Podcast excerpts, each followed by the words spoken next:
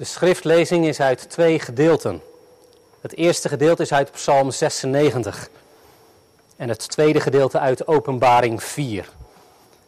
Maar we lezen eerst met elkaar Psalm 96. Daar klinkt de oproep of het bevel. Zing voor de Heere een nieuw lied. Zing voor de Heere heel de aarde. Zing voor de Heere, loof zijn naam. Breng de boodschap van zijn heil van dag tot dag. Vertel onder de heidenvolken van zijn eer, onder alle volken van zijn wonderen. Want de Heer is groot en zeer te prijzen. Hij is onzagwekkend boven alle goden. Want al de goden van de volken zijn slechts afgoden. Maar de Heere, de Heere heeft de hemel gemaakt. Majesteit en glorie zijn voor zijn aangezicht. Macht en luister in zijn heiligdom. Geef de Heere geslachten van de volken. Geef de Heere eer en macht. Geef de Heere de eer van zijn naam. Breng offers en kom in zijn voorhoven.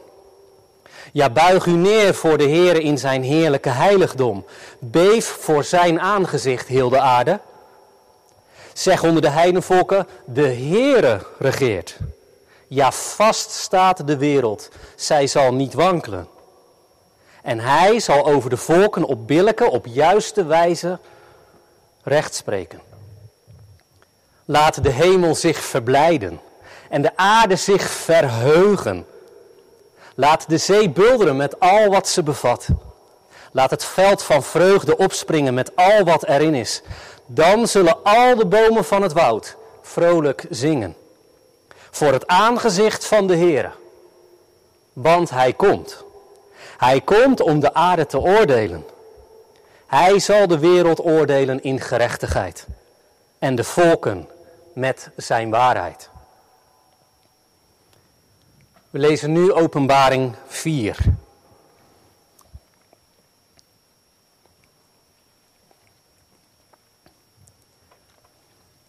En voordat we dat lezen, zal ik kort iets over de situaties vertellen.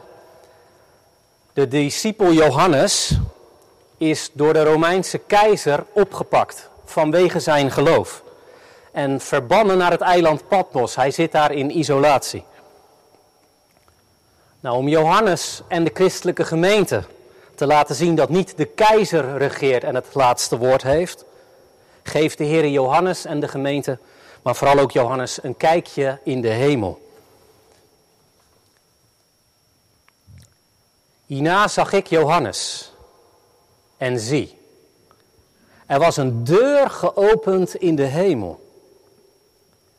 En de stem die ik als van een bazuin met mij had horen spreken zei, kom hier omhoog en ik zal je laten zien wat hierna moet geschieden. En meteen raakte ik in geestvervoering. En zie, er stond een troon in de hemel. En op de troon zat iemand. En hij die daarop zat, zag eruit als de schitterende edelstenen jaspis en sardius. En er was een regenboog rondom de troon, die eruit zag als een smaragd. En rondom de troon stonden 24 tronen. En op die tronen zag ik de 24 ouderlingen zitten, bekleed met witte kleren en met gouden kronen op hun hoofd. En uit de troon kwamen bliksemflitsen, donderslagen en stemmen. En er stonden zeven vurige fakkels te branden voor de troon. Dat zijn de zeven geesten van God. En voor de troon was een glazen zee als kristal. En in het midden van de troon en om de troon heen waren vier dieren, vol ogen, van voren en van achteren. En het eerste dier leek op een leeuw. Het tweede dier leek op een kalf. Het derde dier had het gezicht als van een mens. En het vierde dier leek op een vliegende arend. En de vier dieren hadden elk voor zich zes vleugels rondom. En van binnen waren die vleugels vol ogen. Ze hadden geen rust. En ze zeiden dag en nacht, Heilig, heilig, heilig is de Heere God, de Almachtige, die was, die is en die komt. En telkens wanneer de dieren heerlijkheid, eer en dank brachten aan Hem die op de troon zat en die leeft in alle eeuwigheid, wierpen de 24 ouderlingen zich neer voor Hem die op de troon zat, aanbaden Hem die leeft in alle eeuwigheid en ze wierpen hun kronen neer voor de troon. En ze zeiden, U bent het waard, heren, te ontvangen de heerlijkheid, de eer en de kracht. Want u hebt alle dingen geschapen. En door uw wil bestaan zij en zijn zij geschapen. Dit is het woord van de Heer. Zalig bent u, bent jij, als u dit woord in geloof ontvangt en eruit en ernaar leeft. Geef de Heer eer en macht. Geef de Heere de eer van zijn naam. Die oproep, dat bevel klinkt vanuit Psalm 96. Maar wat betekent dat eigenlijk? God eren. Wat houdt dat in? Daar gaan we bij stilstaan aan de hand van de volgende vier punten. De eerste is, wat is God eren? De tweede is, waarom moeten wij dat doen? De derde is, hoe doe je dat dan? Gewoon in je dagelijks leven. En de vierde is, hoe krijg je het dat je God ook wilt eren en gaat eren?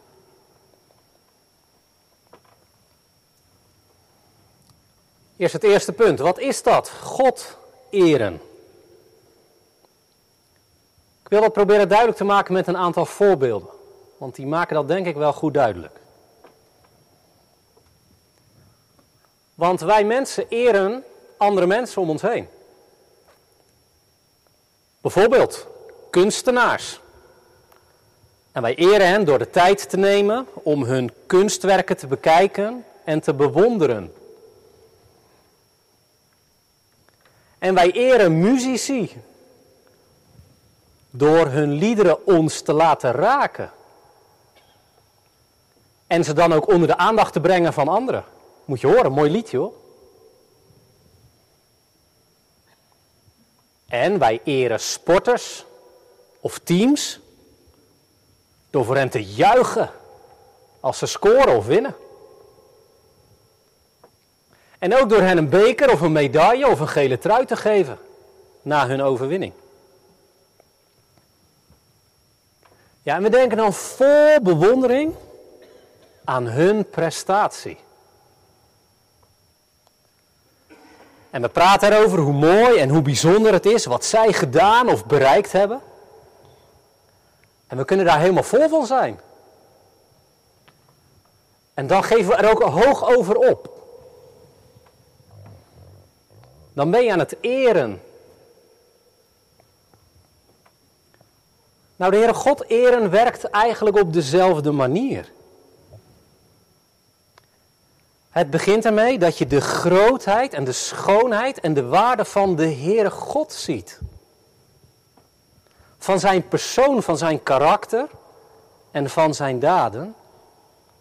En dat zie je met ogen van geloof. En het dringt dan tot je door hoe bijzonder de Heere eigenlijk is. En als dat tot je doordringt, komt er verwondering omhoog over wat hij kan en gedaan heeft. En waarschijnlijk ook blijdschap over hoe hij is. Ja, je hart en gedachten worden vol van Hem. En Hij wordt de belangrijkste persoon in je leven. Of anders gezegd, Hij wordt de liefde van je leven. Ja, en wat gebeurt er dan? Dat zie je ook als er iemand verliefd is of wordt. Dan ga je hoog opgeven over die persoon. Dan ga je diegene eren, dan ga je God eren. Dat is waar de Heer ons toe oproept. Dat bevel geeft Hij ons via de psalmdichter in Psalm 96. Maar nu is de vraag, die misschien wel bij u of bij jou opkomt. Waarom moeten wij God eigenlijk eren? Waarom moet dat? Heeft God dat nodig? Nee. God heeft onze lof en eer en waardering niet nodig. Als wij de Heer niet eren, is de Heer God niet opeens zielig of ongelukkig. Want God is volmaakt gelukkig in zichzelf. Hij is de Vader, de Zoon en de Heilige Geest. Zij hebben elkaar. Zij hebben elkaar lief. Zij verheugen zich in elkaar, in elkaars persoon en karakter. Zij eren elkaar. En daarom zijn ze volmaakt gelukkig. Is God volmaakt gelukkig in zichzelf. Ook toen de wereld er nog niet was. Dus God heeft onze eer niet nodig. Maar waarom moeten wij hem dan eren? Ik ga daar twee antwoorden op geven vanavond. En het eerste antwoord is omdat het juist is om dat te doen. Het is een reactie die gepast is. Ik ga dat proberen uit te leggen. Hoe werkt het bij ons? Nou, als iemand bijzonder is, of een uitzonderlijke prestatie heeft neergezet, dan vinden wij het toch heel normaal om diegene waardering te geven en om diegene te prijzen. En dat doen we door een applaus te geven of een compliment. Of een goed cijfer of een diploma. Of door iemand een bonus te geven. Dat vinden wij heel normaal. En nog iets. Als iets mooi en bijzonder en uniek is, bijvoorbeeld een diamant of een schilderij van Rembrandt, dan kennen we dat een hoge waarde toe. Dat drukken we vaak uit in geld. We spreken dan over miljoenen. Dat schilderij is miljoenen waard. Die ene voetballer is miljoenen waard. Omdat hij zo bijzonder uniek is. En hoe mooier, uitzonderlijker en unieker iets of iemand is, hoe hoger de waarde en de waardering die we diegene toekennen of geven. Dat is in de wereld heel gepast. Bij ons is dat heel normaal, toch? En ik denk dat de Heer ons ook zo gemaakt heeft. Dat we dat gepast vinden. Nu wijst de Heere God, of de psalmdichter ons erop, dat God de Heere het meest bijzondere en het meest mooi is. En dat Hij echt in alles uniek is. En dat klinkt heel de Bijbel door. Er is niemand zoals Hij. En daarom zegt de psalmdichter in vers 4 van onze psalm: De Heer is groot en zeer te prijzen. En daarmee zegt hij, weet je, de Heere God is zo geweldig, hè? hij is zo briljant. Hij is zo'n bijzonder persoon. Als iemand lof en waardering verdient, is hij het. En zegt de psalmdichter, hij is onzagwekkend boven alle goden, want de goden van de volken zijn slechts afgoden. Die stellen dus niks voor. Dus wij kunnen wel denken hè, dat bepaalde personen of dingen of goden zoals Boeddha bijzonder zijn of zijn geweest. Maar in vergelijking met de Heere stellen ze niks voor. Want, zegt de psalmdichter in vers 5, de Heere heeft de hemel gemaakt. Hij heeft het immens grote heelal gemaakt met zijn miljarden sterrenstelsels en sterren door slechts te spreken. Nou, niemand kan dat. Alleen onze God kan dat. Maar er is meer. Kijk mee in vers 6. De psalmzichter zegt, weet je, majesteit en heerlijkheid zijn voor Gods aangezicht. Dat betekent dit, dat hebben we eigenlijk gelezen in Openbaringen 4. Als nu de hemel open zou gaan en u en jij zou nu in de hemel kunnen kijken en je zou de Here zien, dan zou je versteld staan met wat je zag. Je zou je ogen dichtknijpen vanwege het oogverblindende licht dat van Gods gezicht afstraalt. Je zou erdoor verblind worden omdat dat licht feller is dan de zon. En je zou onder de indruk zijn van de schitterende lichtglans die God omgeeft. Hij is gehuld in licht, hij draagt licht als een koningsmantel. En je zou sprakeloos staan als je zijn luister, als je zijn schoonheid zou zien. En je zou vol bewondering en ontzag uitroepen: U bent heilig. U bent uniek.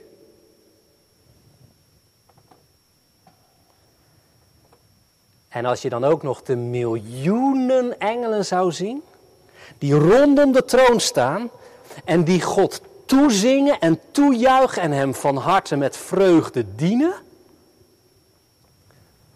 Nou, dan zou je beseffen, echt geen enkele leider op deze wereld kan tippen aan deze God en Koning.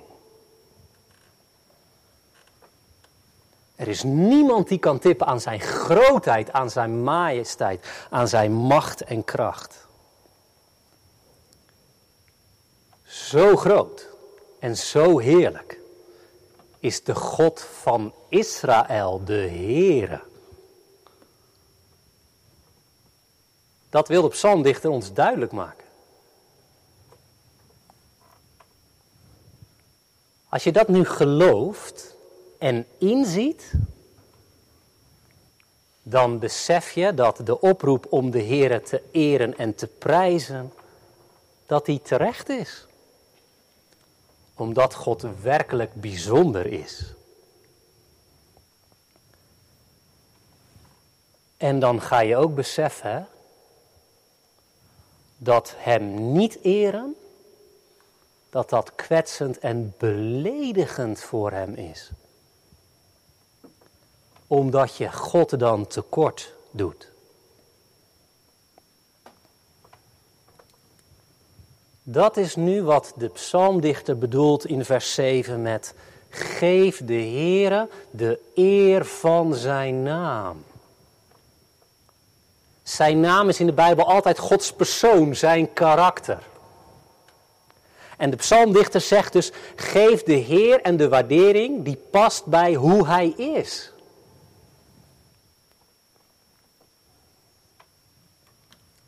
Maar, denkt iemand misschien, oké hè, ik snap het dat je iemand eert die dat verdient, dat snap ik. Maar is het niet een beetje raar om daar zelf om te vragen? En om eerlijk te zijn, snap ik die gedachte ook nog. Want stel je voor, ik zeg tegen jullie allemaal, jullie moeten mij eren. Want ik ben zo geweldig. Dus ik wil dat jullie mij straks allemaal een compliment geven. Dat jullie voor mij applaudisseren als ik de kansel afloop. En dat jullie mij toezingen en toejuichen met de meest mooie dingen. Ja, dan zou je denken, ja dag.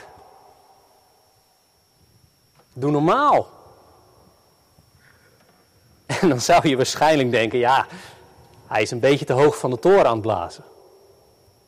Of misschien denk je, wat een narcist zeg. Die is vol van zichzelf. Of dat kan ook, je denkt, zo, die heeft wel een flink minderwaardigheidscomplex. Wat sneu. Hij heeft vast wat waardering en complimenten nodig. Dus als ik zou vragen om die eer, hè, dan voelen we allemaal aan dat klopt niet, dat is niet juist. Terecht. Ik ben een klein, nietig mens. En ik ben ook nog eens een zondig mens. Ik schiet tekort in een heleboel dingen. En nog iets, het leven draait niet om mij.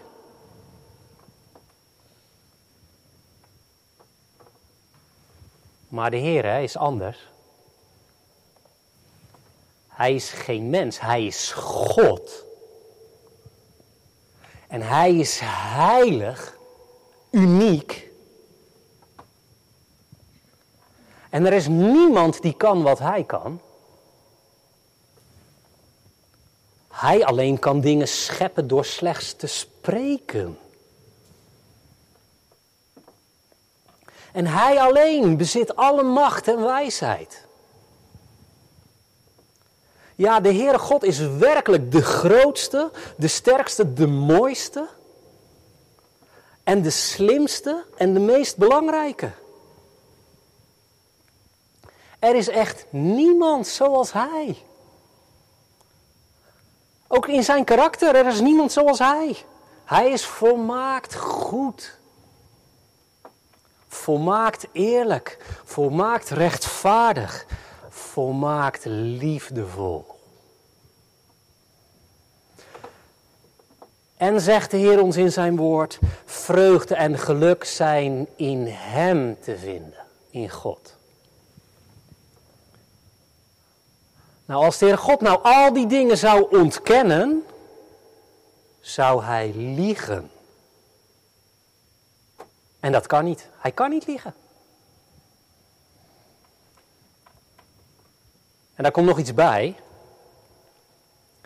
Als de Heer God ons niet zou zeggen hè, hoe bijzonder en goed en sterk Hij was en wijs en hoe belangrijk is, als Hij dat niet zou zeggen, dan zouden wij mensen dat nooit hebben geweten. En dan zouden wij nooit Zijn hulp hebben gezocht. Dan zouden wij nooit Zijn liefde hebben gekend.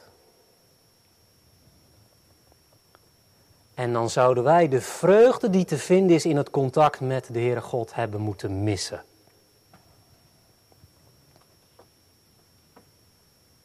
En dan zouden wij dus ook nooit het geluk ervaren dat te vinden is in het contact met God, in God zelf.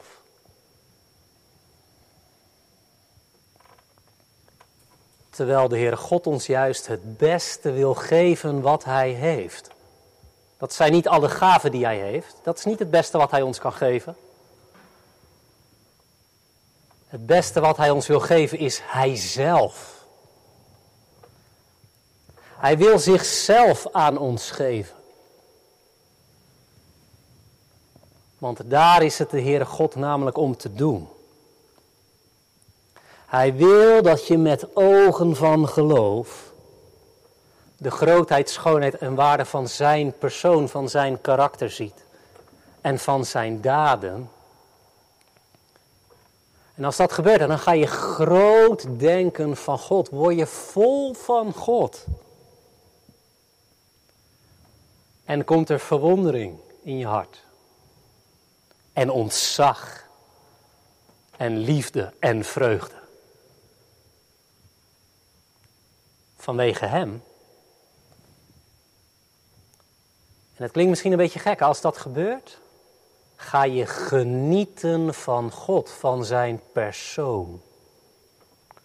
En voel je je diep gelukkig en tevreden. En dan ervaar je vreugde in je hart vanwege Hem.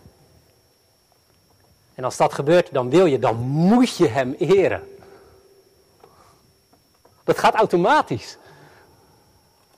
Net als bijvoorbeeld wanneer het Nederlands elftal scoort of wint op een Europees of wereldkampioenschap. Als dat gebeurt, hè, dan hoef ik ook niet tegen je te zeggen, wees blij en ga juichen. Nee, dat gaat vanzelf. En dan ga je juichen en zingen en springen. Iedereen op zijn eigen manier, snap ik ook wel. Maar je gaat reageren, er komt vreugde, blijdschap. Nou, dat gebeurt nou ook bij de psalmdichter. Dat zien we bijvoorbeeld, hè? kijk mee in vers 11 en 12.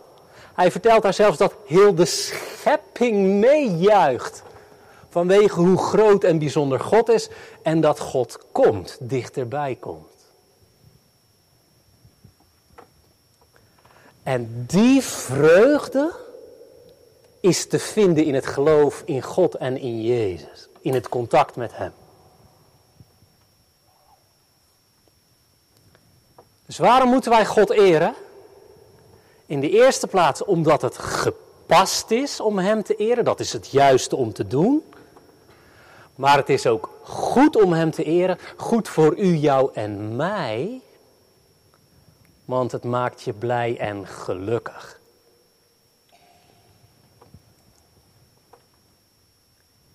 Hoe eer je de Heer dan? Op welke manieren kan en mag je dat dan doen? Nou, dat kan op een heleboel manieren. Ik zou zeggen, wees daar creatief in. Maar de psalmdichter noemt ons ook een aantal manieren waarop wij God mogen en moeten eren. Ik loop ze door. In vers 1 en 2. Eer de Heer God door voor Hem te zingen en over Hem te zingen. En doe dat als je alleen bent. Thuis, op de fiets, in de auto, waar je ook bent. En doe dat ook met elkaar, hier, maar op ook andere plekken in de gemeente. En zing dan over hoe bijzonder de Heere en de Heer Jezus zijn. Vers 3. Vertel onder de volken van zijn eer en van zijn wonderen. Dat betekent maak reclame van je God. Vertel anderen hoe bijzonder jouw God is. Vertel wat hij kan en gedaan heeft. En vers 2 brengt dan ook de boodschap van zijn heil, van zijn redding. Vertel dat God redt en bevrijdt. En noem daar voorbeelden van, uit je eigen leven, maar ook uit de Bijbel. Voorbeelden genoeg. En vertel ook vooral dat Christus redt. De Heer Jezus. Wat Hij allemaal gedaan heeft voor u, jou en mij. Om ons te redden, om ons te bevrijden van onze zonden en om onze relatie met God weer te herstellen, zodat we God zelf kunnen ontvangen en ook de vreugde die te vinden is in het contact met Hem kunnen ontvangen en ervaren. En vertel dan dat dat toegankelijk is en er is voor ieder die gelooft in Jezus. Want vanwege je geloof en je band met Jezus word je vergeven en geaccepteerd door God en geliefd. Vertel dat. Daarmee eer je God en Jezus. Eer Hem ook door vooral op Hem te vertrouwen. Voor wat je nodig hebt en voor wat je ten diepste verlangt. Daar wijst de psalmdichter op in vers 4 en 5. Ik heb die vers al genoemd. Daar zegt hij: De Heer is groot en zeer te prijzen. Hij is ontzagwekkend boven alle goden. De goden van de volken zijn slechts afgoden. Nou, wat is nou een afgod? Een afgod is een ding of een persoon waarvan u of jij denkt dat die je kan helpen of die je gelukkig kan maken. En als je daarop je hoop vestigt, op die persoon of op dat ding, dan is dat je God geworden. geef wat voorbeelden. Je hoopt bijvoorbeeld gelukkig te worden door rijk te worden. Of door carrière te maken. Of door mooie dingen te kopen. Ja, als ik dat heb, dan zal ik me beter voelen, gelukkig worden.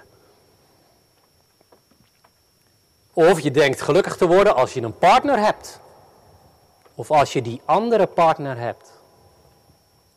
Of als je misschien een kind zal hebben. Of, even op een ander niveau gedacht, je verwacht dat de wereld of de kerk een betere plaats zal worden als die ene persoon of die ene groep of die ideologie, als die het nou voor het zeggen heeft. Ja, dan, dan wordt het beter. Nou weet je hoe goed en mooi al die dingen ook gewoon kunnen zijn, hè?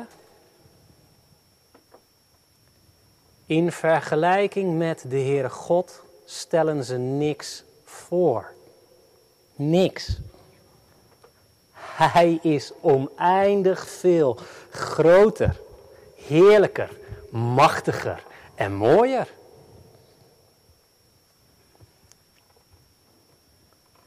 De Bijbel beveelt je daarom Hem aan. Voor alles wat je nodig hebt en voor alles waar je naar verlangt. Dan moet je voor bij Hem wezen, bij Hemzelf. En je eert Hem door dat te geloven en het in Hem, in Zijn persoon te gaan zoeken, in het contact met Hem. Vers 7, je eert de Heer ook door Hem eer en macht te geven. Dat betekent dat je erkent dat Hij de Heer is van hemel en aarde. En vertel Hem dan ook dat Hij jouw Heer is en jouw koning. Kan gewoon hier hè, in de kerk, in je hart, gewoon stil tegen de Heer zeggen, ja Heer Jezus, U bent mijn Heer, mijn koning. Maar doe dat misschien vanavond ook eens, gewoon Kniel neer voor Hem. Bij je bed. Zeg, Heer Jezus, u bent mijn koning. En ik wil niet meer voor mezelf leven, maar voor u. Daarmee eer je Hem. Vers 8, je, je eert Hem ook door offers te brengen aan Hem. Offers van dank, waar de dominee het afgelopen woensdagavond over had hier in de dienst. Eer Hem met geschenken. Met geld, met je tijd, met je vaardigheden, met je spullen. En hoe eren we nog meer volgens de psalmdichter? Nou, dat zien we ook in vers 11 tot en met 13. We eren de Heer ook door te verlangen naar zijn terugkomst. Dat zien we in vers 11 en 13. De schepping kijkt met vreugde uit naar Jezus' komst. Want dan zal zijn heerlijke heerschappij volledig doorbreken. En dan zal iedereen zien dat hij werkelijk de allerhoogste koning is. En de gelovigen zullen zich dan voor altijd verheugen door zijn nabijheid. Nou, door daarnaar te verlangen, zeg je, Heren, er is niets beter en mooier en heerlijker dan voor altijd bij u te zijn. En er is niets wat mij meer vreugde geeft dan voor altijd bij de Heer Jezus te zijn. Nou, daarmee eer je Hem door daarnaar te verlangen.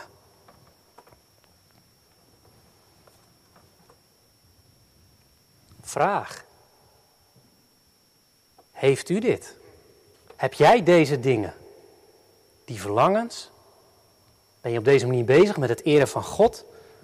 Word je ook wel eens vol van de Heer en blij van Hem? En laat je dan ook zo graag zien hoe bijzonder en horen hoe bijzonder God is en Jezus? Ik hoop dat dat er is. Maar het kan natuurlijk ook zijn dat het er niet is. Of dat het er niet meer is. Dat het weg is. Maar dat kan aan een aantal dingen liggen. In de eerste plaats aan ons gevoelsleven. Ons gevoelsleven, ook bij mij, is grillig. Ons gevoel gaat op en neer. Elke dag is het anders en zelfs soms op de dag zelf. Dus je voelt je elk moment van de dag of elke dag anders.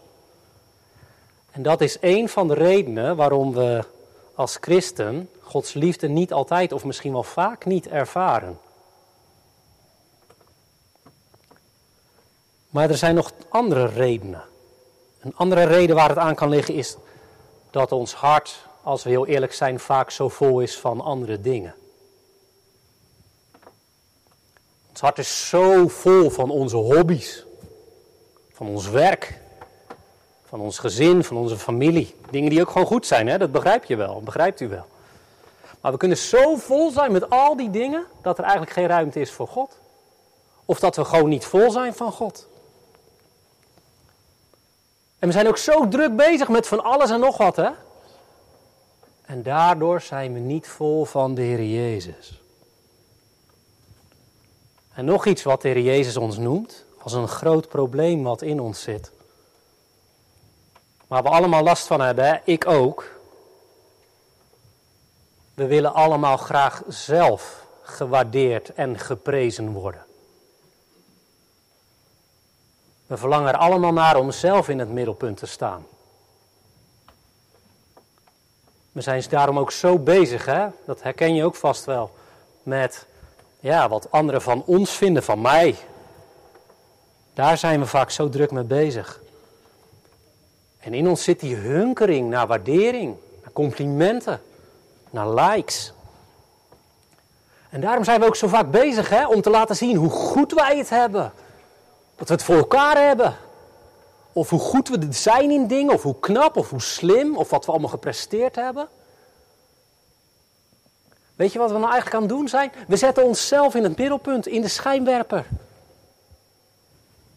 En we zetten niet God in het middelpunt. Nou, dat is een groot probleem. En zo bezig zijn hè, met jezelf is helemaal niet fijn. Super vermoeiend. Het is werkelijk bevrijdend om niet meer je druk te maken om jezelf en hoe jij overkomt, maar om je druk te maken om de Heere. Hoe Hij overkomt op mensen. En dat Hij geëerd wordt. Dat is bevrijdend. En het geeft je vreugde. Nou, dat dat niet zo in ons zit, dat hoort u wel, hè? dat zit ook niet zo in mij. Weet u wat we nou daarmee moeten doen? Dit eerlijk tegen de Heer zeggen. Daar begint het mee. De Heere God weet het al lang, maar ga het eerlijk tegen de Heer zeggen. En zeg, Heere, zoals het in mij zit, klopt het niet. En ik doe u ermee tekort. Vergeef het alstublieft. En verander het. Begin daarmee. En hoe krijg je dan dat God, je God wel wil eren en dat ook met vreugde kan en wil doen? Nou, de Heer weet dat dat niet in ons zit. Vraag het Hem. Vraag Hem erom. Want God eren is niet alleen een opdracht en een opgave, het is vooral ook een gave. Vraag Hem daarom vooral om Zijn Heilige Geest. Want Zijn Geest kan en wil onze ogen openen, zodat wij Gods grootheid en heerlijkheid gaan zien en vooral ook in de Heer Jezus.